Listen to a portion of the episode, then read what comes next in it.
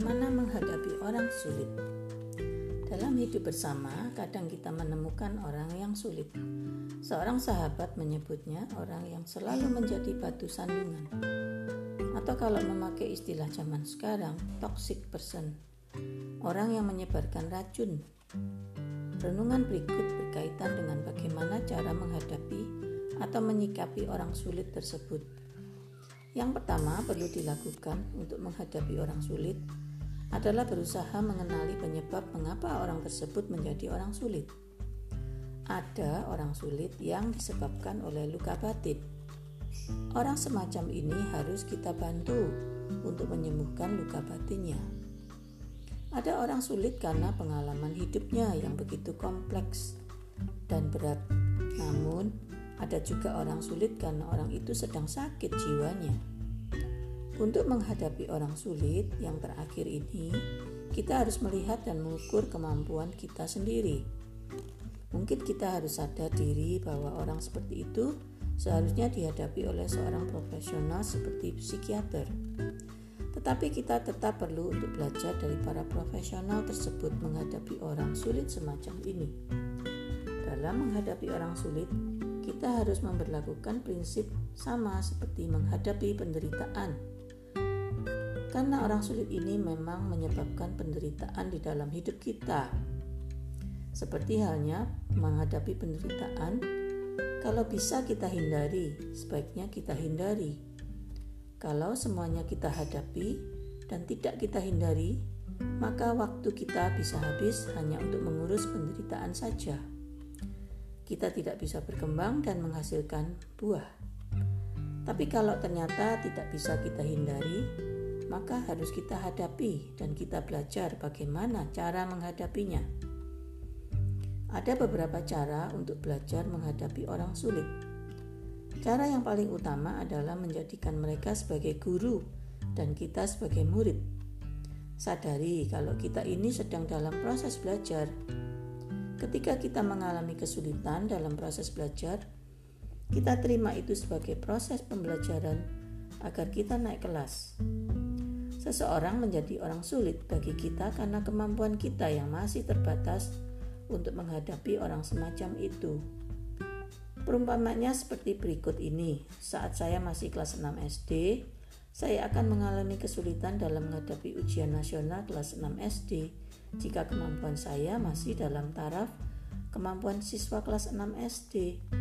Tetapi jika saya meningkatkan kualitas kemampuan pribadi saya hingga misalnya menyamai kemampuan pemberi bimbel siswa kelas 6 SD, maka ujian nasional tersebut tidak akan menjadi kesulitan bagi saya. Seseorang menjadi orang sulit karena kemampuan kita menghadapi orang semacam itu belum meningkat.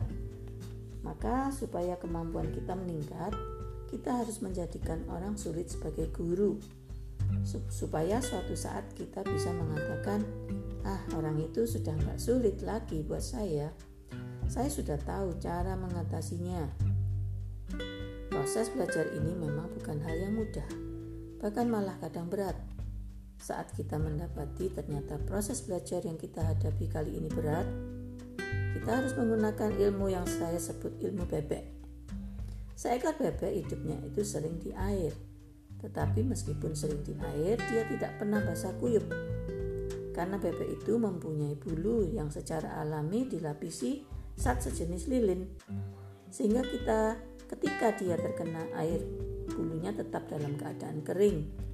Untungnya bebek diciptakan seperti itu. Kalau enggak dia akan masuk angin terus, bukan? Lalu bagaimana ilmu bebek ini dapat diterapkan dalam hidup kita? Khususnya dalam menghadapi orang sulit.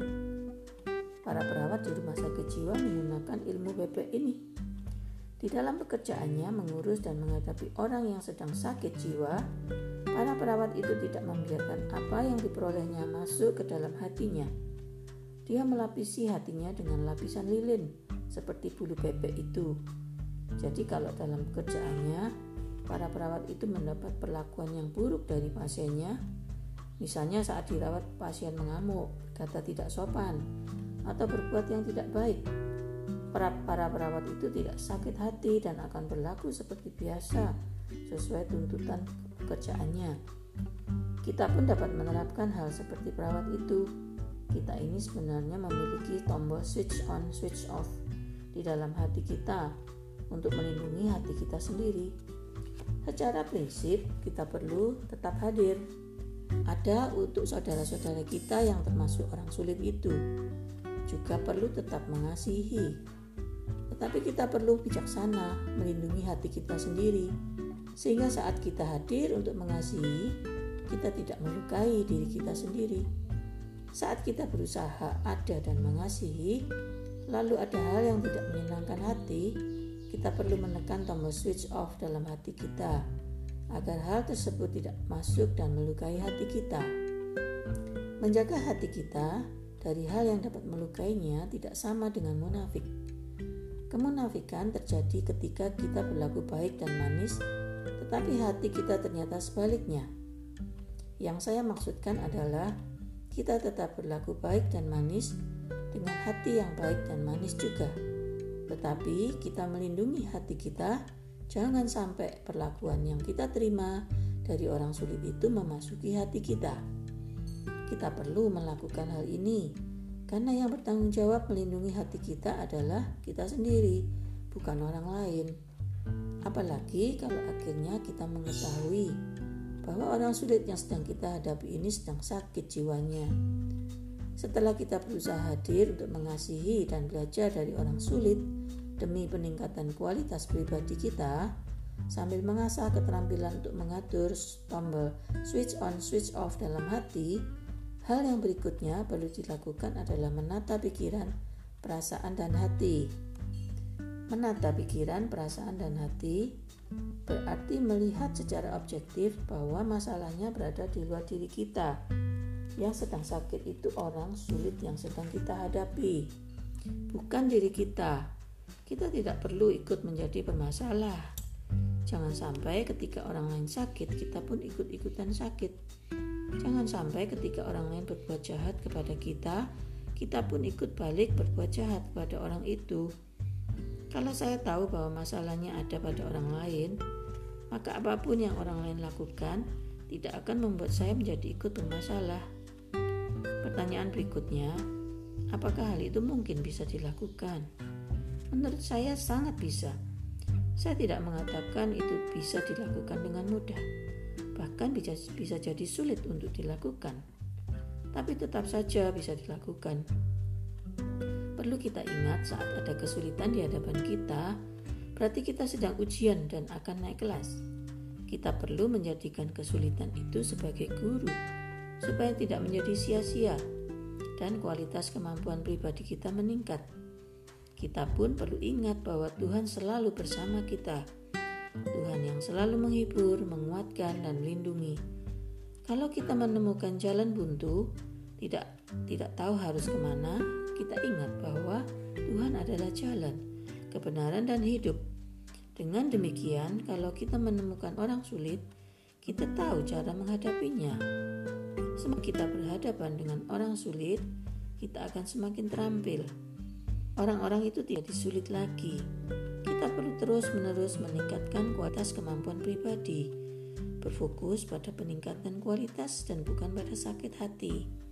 Tidak berusaha menyalahkan siapa atau apa pun di luar kita, karena hal itu tidak ada gunanya dan tidak perlu. Tuhan mengizinkan pasti dengan suatu maksud yaitu supaya kemampuan kita meningkat, sehingga kita bisa melaksanakan firman Tuhan. Jika kita mengasihi hanya orang yang tidak sulit, apa lebihnya kita dari orang yang jahat?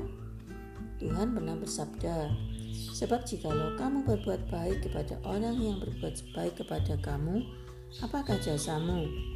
Orang-orang berdosa pun berbuat demikian. Harus kita sadari Tuhan memberi kita kesempatan bersama dengan orang sulit, berarti Tuhan percaya bahwa kita bisa menghadapinya. Kita bisa memanfaatkannya untuk meningkatkan kualitas kemampuan pribadi kita, sehingga pada akhirnya orang itu tidak menjadi sulit lagi bagi kita. Kecuali kalau orang sulit itu ternyata butuh pertolongan profesional seperti psikiater jika memang demikian, berarti kita harus menjaga jarak dan mengukur kemampuan kita sendiri.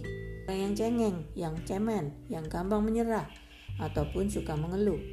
Kita bisa tetap berbahagia sambil berlaku baik dan manis kepada orang sulit. Asalkan kita tahu bagaimana menjaga hati kita sendiri. Dan saat kita merasa sudah lelah dan tidak mampu lagi, mari kita beristirahat